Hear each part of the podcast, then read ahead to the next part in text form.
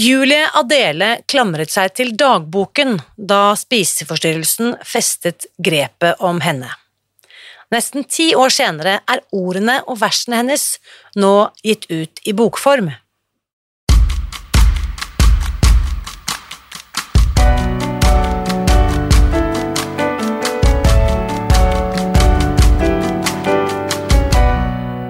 Mitt navn er Irina Lie. Jeg er journalist og forlegger, gründer og sosial entreprenør. I 2015 spiste jeg meg fri fra overvekt og fedme etter å ha slitt med vekt, kropp og følelser i nesten 30 år. Etter at jeg knakk koden, ga jeg meg selv et nytt oppdrag – å dele denne kunnskapen med alle som trenger det. I denne podkasten kan du derfor høre hele lydboken Spis deg fri. Den finner du ved å bla deg tilbake i arkivet og lytte til første sesong. Hver uke inviterer jeg nå gjester som gir deg påfyll til hodet, hjertet og magen. For min visjon er å endre Helse-Norge, og det får jeg ikke til alene. Du bidrar ved å abonnere på podkasten, skrive en omtale i iTunes og tipse meg om hvem jeg burde invitere hit. Da setter vi i gang med ukens episode. Mye er sagt og mye er skrevet om spiseforstyrrelser, som er den psykiske lidelsen med høyest dødelighet, faktisk. Og nå har enda en stemme mulighet til å bli hørt. Tidligere i år ga nemlig Lyrikkforlaget ut boken Sulten, som beskrives som en naken fremstilling av et eh, spiseforstyrret sinn. Hva som motiverte forfatter Julia Dele Gangås Skåre til å skrive boken, og hva hun håper at eh, boken eh, kan bidra med, det skal du få høre nå. Her er ukens gjest. Kjære Julia Dele, velkommen til podkasten. Takk. Veldig hyggelig og, og, eh, at du ikke hadde tid og anledning til å, ikke, og ikke minst lyst til å være med, for denne samtalen har jeg gledet meg til. Vi skal snakke om mye, men først, før vi begynner, Julia Dele, så kan ikke du bare fortelle litt om deg selv? Fortelle litt om bakgrunnen din. Oi. Eh, ja, hvor skal jeg begynne med det? Jeg eh, oppvokst i Asker, samme huset siden jeg var ni måneder gammel. Eh, gikk på Vardåsen barneskole, Borgen ungdomsskole, danselinja på videregående, og så har jeg reist mye. Og så har jeg begynt med boksing og kickboksing, som har blitt en veldig stor del av livet mitt. Så der er jeg egentlig nå. Og da snakker vi ikke bare litt, altså du er på høyt nivå i kickboksing, hvis jeg har skjønt det rett? Jeg syns det er vanskelig å liksom si det. Jeg trener med folk på veldig høyt nivå, i hvert fall. Det gjør jeg. Er, jeg syns vi jeg synes, Er det ett sted vi har plass til måte, positivt selvsnakk, så er det denne podkasten. Så liksom vi, vi, slår fast det at du er på et høyt nivå. Det er veldig, veldig bra. Imponerende, vil jeg si. Um, men grunnen til at jeg inviterte deg til denne podkasten Du kunne jo også lagt til forfatter i den listen der, fordi at uh, du har jo Tidligere år så kom det ut en veldig spennende bok som jeg dessverre ikke har rukket å lese ennå, men jeg har lest omtaler og sett, uh, sett den omtalt, uh, som heter altså Sulten det perfekte prosjektet. Uh, og det er jo et stort og jeg vil jo på alle måter si et veldig alvorlig tema. Fortell litt om, uh, fortell litt om den boken, uh, Julia Delle. ja, den, den, ble til litt sånn Hva skal jeg si Jeg skrev dagbøker fra etter videregående, så var jeg ute og reiste. sånn backpackertur, Så begynte jeg å skrive dagbok, som egentlig skulle være veldig sånn reisedagbok og, om hva jeg gjorde og hva som skjedde og sånn, og så skjedde det på en måte veldig mye innvendig da, i tillegg til utvendig. Så det var Jeg ble deprimert på et tidspunkt, og så ble det spiseforstyrrelser, og så ble det mye surr, og så var det en ulykke inni der, og mye greier. Så det er mange håndskrevne bøker som ikke egentlig bare handler om hva, hvor vi var og hvor vi bada, men det handler veldig mye om hvordan jeg hadde det. Mm. Eh, så har jeg lest gjennom det i ettertid da, og trukket ut uh, ganske mye sånn matgreier, uh, fordi det var en veldig stor del av uh, Jeg sleit med det i mange år. det var veldig tungt. så da trakk jeg det rett og slett ut i et eget dokument, og så ble det bare en bok. Når var det du fant ut at du ville Når var det du? En ting er at det kunne vært utgitt som en bok, men når var det du kjente at du var komfortabel med å faktisk gi det ut? For det er jo et stort valg, det òg. Å dele dette. Ja, det Jeg hadde ikke klart det hvis ikke jeg var helt ferdig, på en måte, vil jeg påstå. Jeg Å ha det sånn, det er så altoppslukende at det er liksom Det er så mørkt, men som imens det var, så hadde jeg aldri klart det. Men når det er Jeg har brukt veldig mye tid på å jobbe meg ut av det og få et veldig avslappet forhold til mat og til meg sjøl og hele greiene. og da jeg føler ikke sånn på det lenger. Det føles ikke noe egentlig mm. vanskelig i det hele tatt å gi det ut. Så, og, og, hvis du liksom tenker tilbake, vet du, klarer du å si noen ord om liksom, hvorfor du ville skrive denne boken, eller hvorfor du ville gi ut disse, sånn som du skriver, da, eh, notatene og tankene og refleksjonene som du selv skrev ned for mange år siden? jeg håper jo at det kan bidra til å åpne litt opp. At man, eh, En ting er at man vet at veldig mange sliter med det, men, men, litt om hvordan det faktisk er, og hvordan det føles å ha det sånn, og hvor sårbar og liksom Hva skal man si eh, Håpløst det føles å ha det sånn, at kanskje noen kan kjenne seg igjen, eller mm. Ja, tørre å åpne seg litt opp da, om hvordan det er. Ja. Så, men la oss liksom gå tilbake til det mørke, da. Hvor uh, Vet du det, når du, når du, på en måte begynte å utvikle spiseforstyrrelser? For det er ikke sånn at man våkner en dag, og så er man spiseforstyrret, men dette er jo progressivt. Og det er jo faktisk en, en dødelig sykdom. Vi snakker om noe veldig veldig alvorlig. Det er jo den, det er den psykiske lidelsen som tar flest liv blant unge kvinner eh, faktisk. Så, så, fortell litt om det. Hvordan eh, Hva har du funnet ut, hvis det finnes noen svar, da, på hvordan du selv kom i Hvorfor dette utviklet seg? Det er veldig sammensatt. Det er veldig mange sånne små ting, små ord, små hendelser som spiller inn. Så er det jo på en måte Jeg har nok hatt et turbulent forhold til mat veldig lenge, eller så lenge. Jeg kan på en måte ikke egentlig huske så mye øh, et normalt forhold til det før. Eller det er vanskelig å liksom sette ting i tiden, men ja, det har bygget seg opp, og så er det liksom utløsende årsaker, og så er det sammensatt, altså, vil jeg si. ja. Jeg vet ikke hva svaret på spørsmålet. Jo, absolutt, men jeg tenker er, det er jo øh, det jeg har lest meg opp om det, og, jeg har aldri tenkt at jeg har en spiseforstyrrelse, men når jeg ser på atferden min rundt mat og måltider, så tenker jeg jo, jo absolutt, dette er jo på ingen måte avslappet eller normalt, men hvordan utartet spiseforstyrrelsen seg i ditt tilfelle? Hva var det du slet med? Det var, altså Dypest sett så var det jo selvbildet. Noe med dette å liksom bli sett og være noe og ha det bra med seg selv, ha kontroll og alle disse tingene. Eh, det som utløste det eh, Jeg hadde vært ute og reist, hadde gått litt opp i vekt, og så var jeg deprimert, feil miljø, mye sånne type ting, så jeg liksom ville få til noe og liksom ja, Jeg fikk jo i hvert fall til dette, da. Jeg fikk kontroll over det. Jeg gikk yes. nedover, og det ble en sånn man, hva skal man si, en rus i å liksom prestere det og ha kontroll over det. Og mer og mer kontroll og mer og mer jenke det. Og, og det, det, fikk jeg til, da. Eh, så det var, ga en sånn rusfølelse, vil jeg si. Mm. Eh, og derfra så gikk det dårlig. Eh, da Når det liksom bikka over til at det ble altoppslukende, så ble jeg veldig dårlig. Kunne du beskrevet noen eh, situasjoner eller øyeblikksbilder som på en måte viser galskapen, liksom, sånn at eh, for de som ikke har erfart dette, har muligheten til å forestille seg?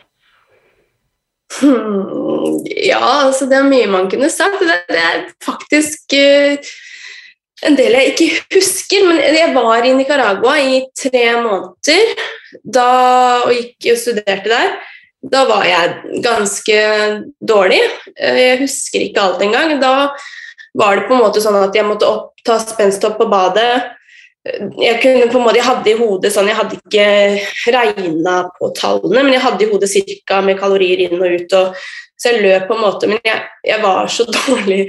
Jeg hadde jo ikke noe energi, så jeg, det er kanskje snakk om å løpe ti minutter til jeg kunne spise en sviske eller sånn type ting. Så det var liksom helt eh, Det var det livet gikk ut på.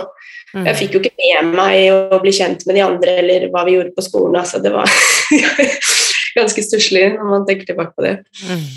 Ja. Så det, det, du beskriver, er jo og, og jeg synes Tittelen på boken din er jo også helt fantastisk, men undertittelen, det perfekte prosjektet Det er akkurat sant, det, det, formidler i hvert fall Jeg får assosiasjoner til at dette, sånn som du sa også, handler veldig mye om kontroll og, og kanskje tap av mestring på en annen arena som jeg prøver å gjenvinne da, i møte med maten.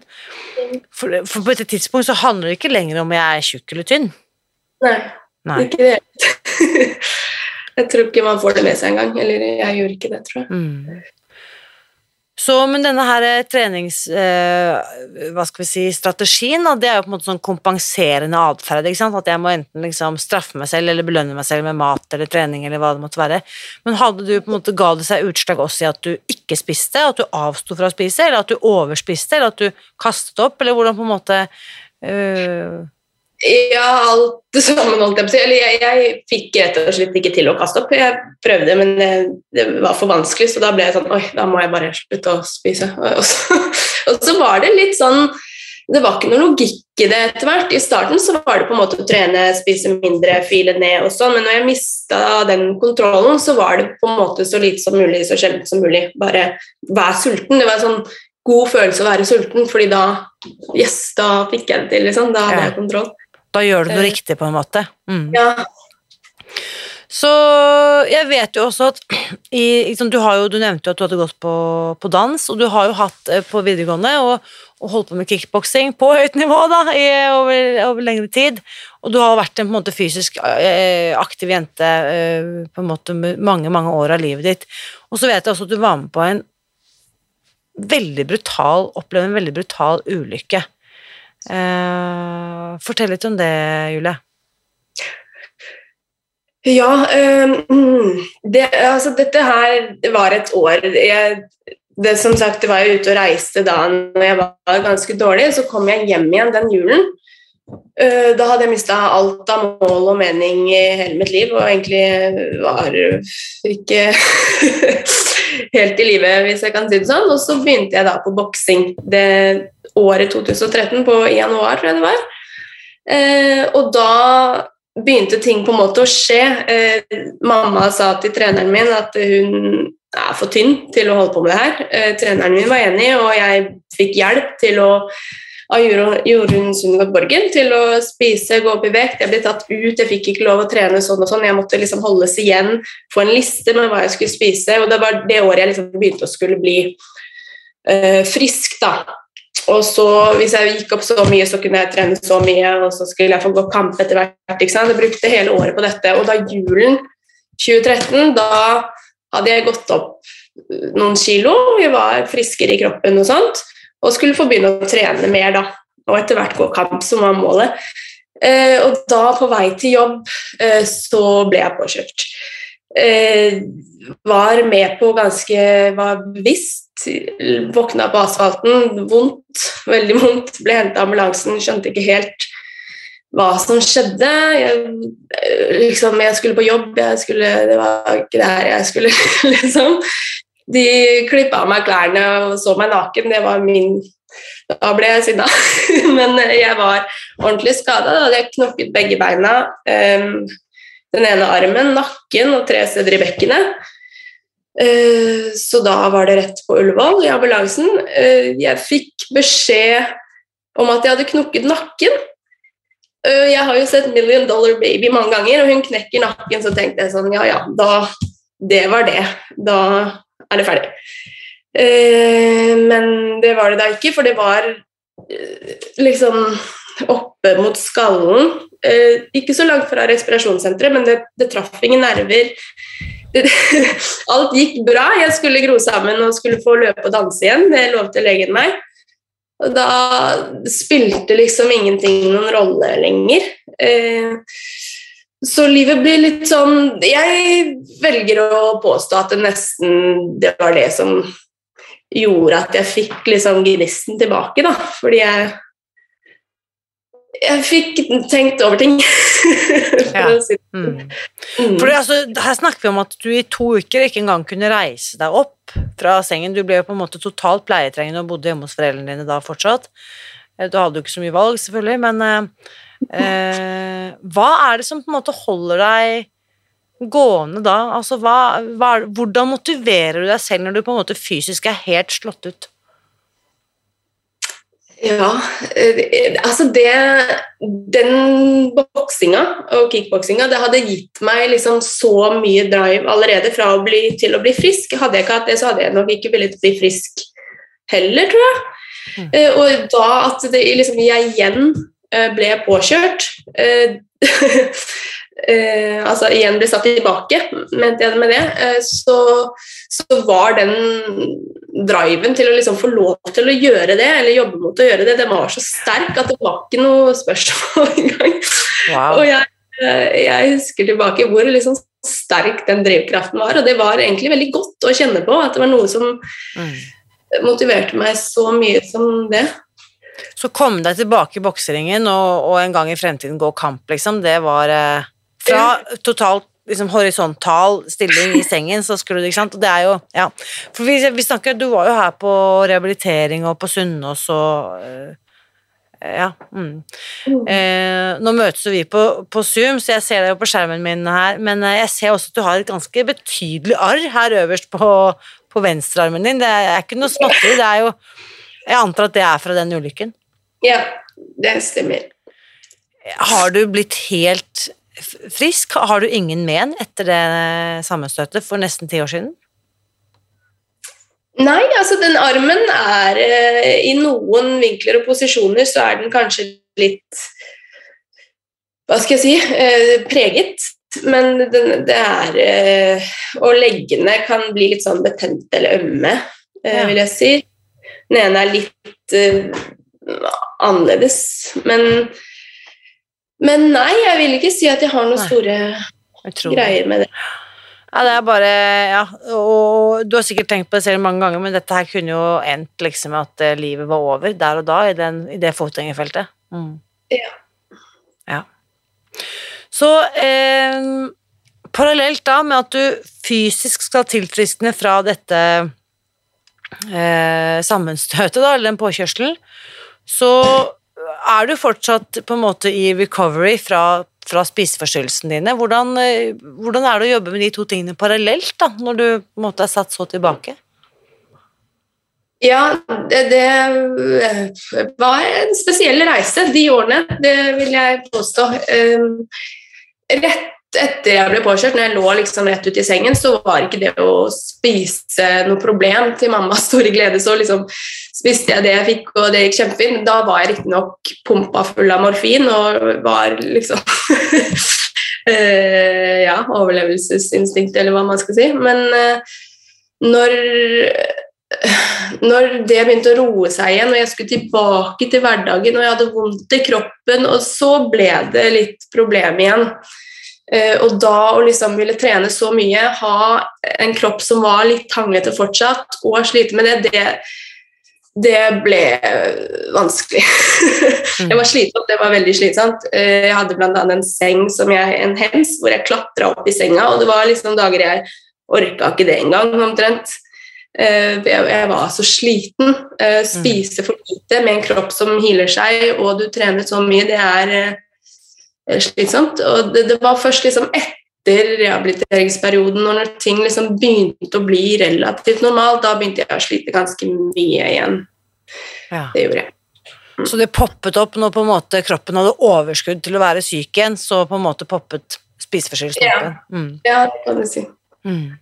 Så eh, hva vil du si, hva har det vært de viktigste tingene for deg for å komme deg ut av det klamme, klamme grepet som den uh, spiseforstyrrelsen hadde over deg. Kan du, kan du, si noe om det? Vet du hva som hjalp deg? Mange ting parallelt, egentlig. Jeg vil si boksinga og Daimi, treneren min, er, er vel egentlig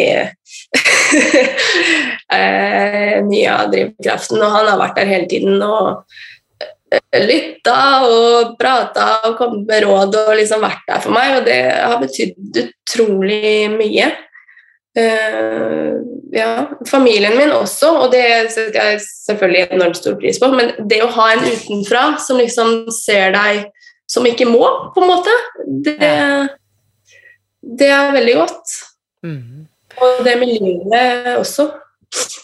Ja, og, og, helt sikkert det å kunne fokusere på noe annet, og oppleve mestring på en annen arena, vil jeg tippe. Mm. Absolutt. Så Sulten, det perfekte prosjektet, kom ut på Lyrikkforlaget her tidligere i år. Kunne du si litt om eh, eh, først hvordan bokprosjektet kom i stand? Altså var det de som Tok du kontakt med dem, eller hvordan eh, Kjente du noen som kjente noen, eller eh, hvordan, hvordan kom det i stand?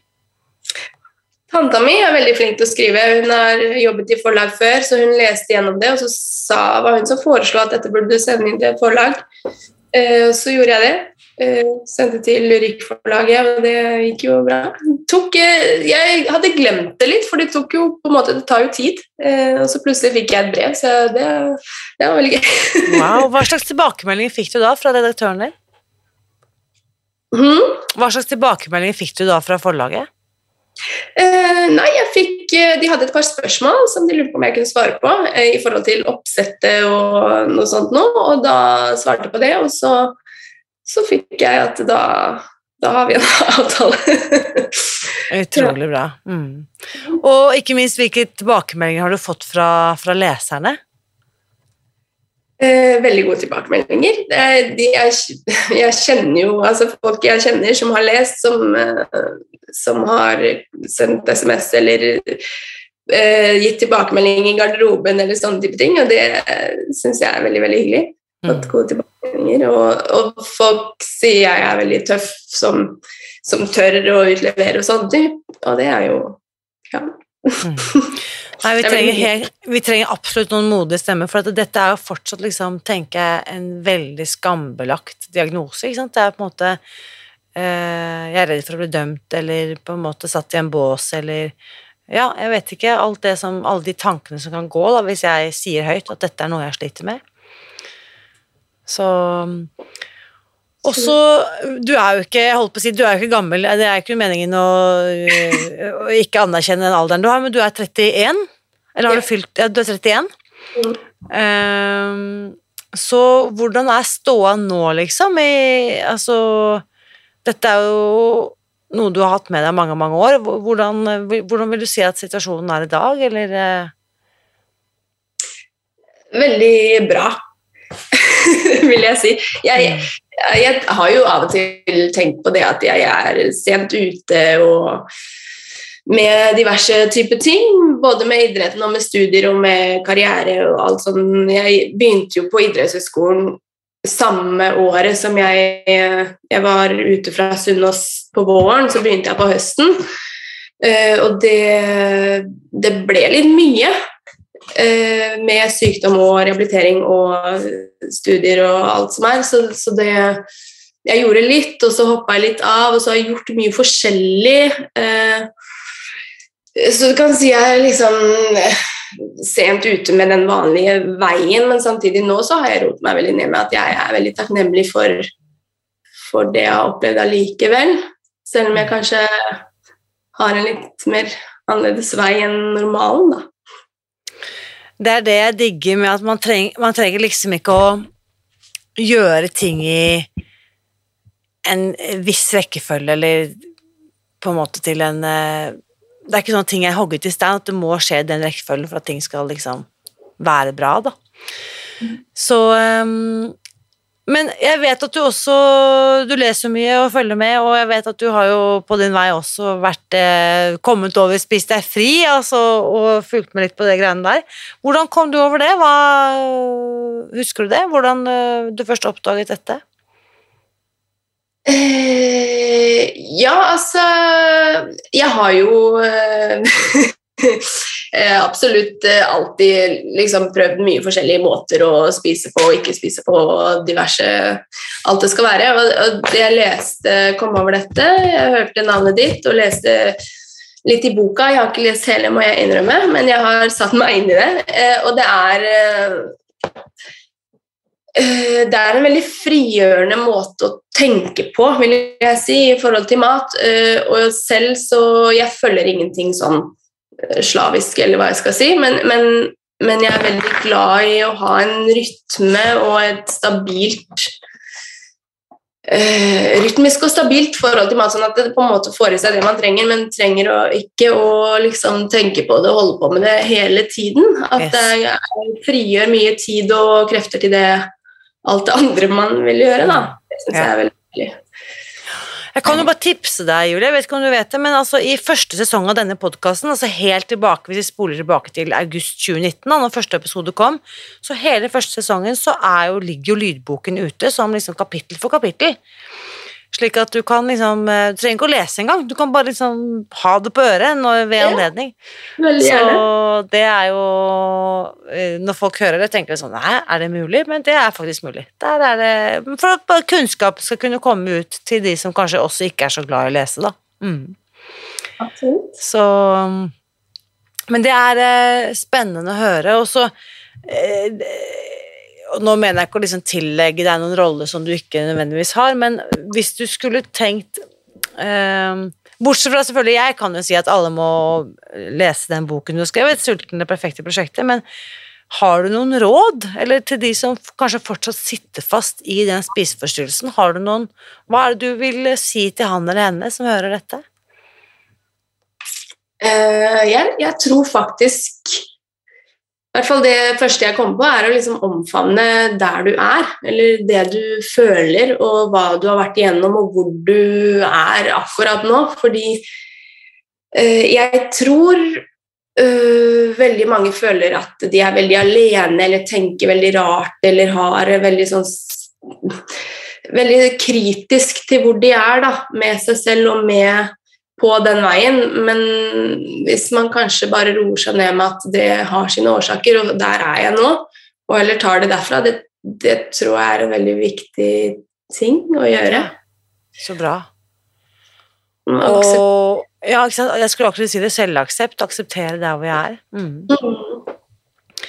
Så eh, hvis du skulle på en måte ha beskrevet eh, eh, forholdet ditt til uh, mat i dag? Du sa det jo litt i stad, men uh, å ha med deg den erfaringen, hva, hva, er det det har gitt deg, eller hvordan, hvordan er det uh, Hvordan er livet ditt annerledes i dag enn la oss si for ti år tilbake, da? Veldig, veldig mye mer avslappet. mm. ja, det er det deiligste. Det er mm. absolutt. Å kunne liksom slappe slappe av og roe seg ned, ha senka skuldre og nyte livet, liksom. Ja. Ikke så fælt over alt mulig rart. Og mat er Unnskyld. Nei, du først. Mat er også Mat er jo så det er liksom det er en del av alles liv. Det er, det er, der uansett, så man kan på en måte ikke snirkle seg utenom det. mm. Så det å kunne slappe av med det forholdet, det tror jeg er veldig. Nå har jo jeg en annen bakgrunn enn deg, men jeg tenker også når jeg på en måte fant en løsning da, som funket for meg, og, og, på en måte fikk eh, holdt jeg på å si, frigjort all den tankekraften, mm. så ble jeg også mye mer Kall det ambisiøst. Da jeg begynte Himmelen over det jeg tenkte var mulig for meg å få til, ble mye større, for å si det sånn. Mm. Uh, hvordan er det for deg? Hva, hva, tenker du om tiden fremover, årene, altså fremtiden? Hvordan, uh, hvordan, ser den ut for deg? Eh, nei, altså jeg har veldig tro på, på framtiden nå, vil jeg si. Som sagt så har jeg jo følt i hvert fall tidligere mye på at jeg er sent ute og alt det der, men jeg, akkurat nå så føler jeg jeg føler meg veldig fri. Jeg føler at framtiden er fri og åpen. Åpen for nye, nytt liv, nye muligheter. er du på noe tidspunkt eh, redd for eh, tilbakefall, hvis jeg kan spørre om det? Eh, ja, det kan du spørre om, men, men nei. Ikke nå lenger. Nei. Det, ikke i det hele tatt, faktisk. Jeg, jeg, det var lenge etter jeg liksom følte at nå er jeg ganske frisk, så hvis jeg ble stressa, så kunne på en måte gå utover det. Men nå føler jeg absolutt ikke at det er noe problem lenger. Fordi at du helt sikkert har andre og sunnere måter og strategier å kont Eller ikke kontrollere, da, men håndtere kanskje følelsene på. Mm. Så nei, det er superverdifullt, og jeg må bare liksom på vegne av vanvittig mange liksom takke deg for at du både skriver bok og deler og forteller så åpent, for jeg tenker som det er så verdifullt at vi at flere av oss kan uh, bare fortelle hvordan ting egentlig er. Mm. Så eh, hvis du virkelig skal dra på, da, Julia Dele, hva er det som er ambisjonene når det gjelder, kommer til eh, boksing og kickboksing? Eh, hva er det du ser for deg der, en gang der fremme? Uh, jeg vil jo gjerne bli så god som jeg kan bli. Det har jeg sagt til treneren min at Jeg har jo på en måte hatt mine utfordringer og en lang vei og begynte seint. Men jeg, jeg, vil se liksom Nå har jeg satt av tre år. Hvor, hvor, god kan jeg bli på de tre årene? Det er vel det. Er vel det. Og så vil jeg også Nå studerer jeg jo idrettspsykologi, det glemte jeg å si, uh, og skal gå litt sånn videre med den type studier. Og det, jeg vil, så jeg legger veldig mye av meg selv i, i det her. Eh, så jeg vil også gjerne på en måte bidra til å løfte andre etter hvert, da. Eh, både på sånn sportslig, men i forhold til å møte folk. Ja. Hvordan de har det, hvem de er og kanskje ja, på den arenaen, da, hvis det gir mening. ja. Så men som, når du studerer idrettspsykologi, betyr det at du på en måte jobber som Altså kan jobbe som psykolog for idrettsutøvere? Det, handler det om det, i forhold til mental trening og sånne ting, eller hva, hvordan kan du bruke den utdanningen? Uh, ja, det spørs hvor langt jeg går. I første omgang tar jeg bare et årsstudium, og så spørs det om jeg skal studere hvilken vei jeg velger videre, liksom. Men uh, absolutt tror jeg det er en mulighet, ja. Yes. Nei, jeg syns det er kjempespennende, og liksom i min bok så står du liksom uh, høyt opp på pallen allerede, så det er bare fortsette sånn. Det er liksom the sky is the limit. Ja. Så um, jeg må bare si uh, tusen takk for uh, god og viktig prat, Julie Adele, og jeg heier veldig på deg.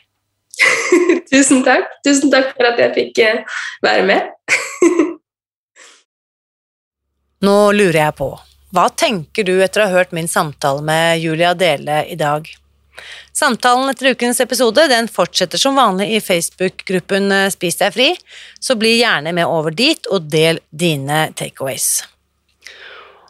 Og så I forlengelsen av dagens tema så har jeg tenkt litt på at um, gjennom de siste fem årene så har jeg veiledet hundrevis og etter hvert sikkert tusenvis av kvinner og menn til å spise seg fri, og flere har gitt meg tilbakemeldinger om eh, at denne metoden, denne måten å spise på, det har hatt positive ringvirkninger for dem.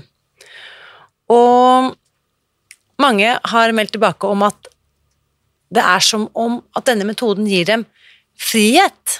En følelse av frihet rundt mat og måltider. Fordi de slipper å tenke på hva eller hvor mye de skal spise. Så hvis du også nå er nysgjerrig og har lyst til å spise deg fri fra et evig tankekjør rundt uh, mat og kropp og måltider, så vil jeg invitere deg til å laste ned smakebiter fra vår digitale kokebok ved å gå til spisdegfri.no smakebiter. Her kan du laste ned et gratis oppskriftshefte med enkle og fargerike forslag til frokost, lunsj og middag, og det heftet finner du altså ved å gå til spisdegfri.no smakebiter. Og helt til slutt så vil jeg bare invitere deg til å gjøre det Julie Adele har gjort, uansett hvilke utfordringer du står overfor. Sett ord på det. Skriv gjerne ned dine tanker om det som tynger deg, snakk med en venn, og be om hjelp når du trenger det, for vit at du ikke er alene.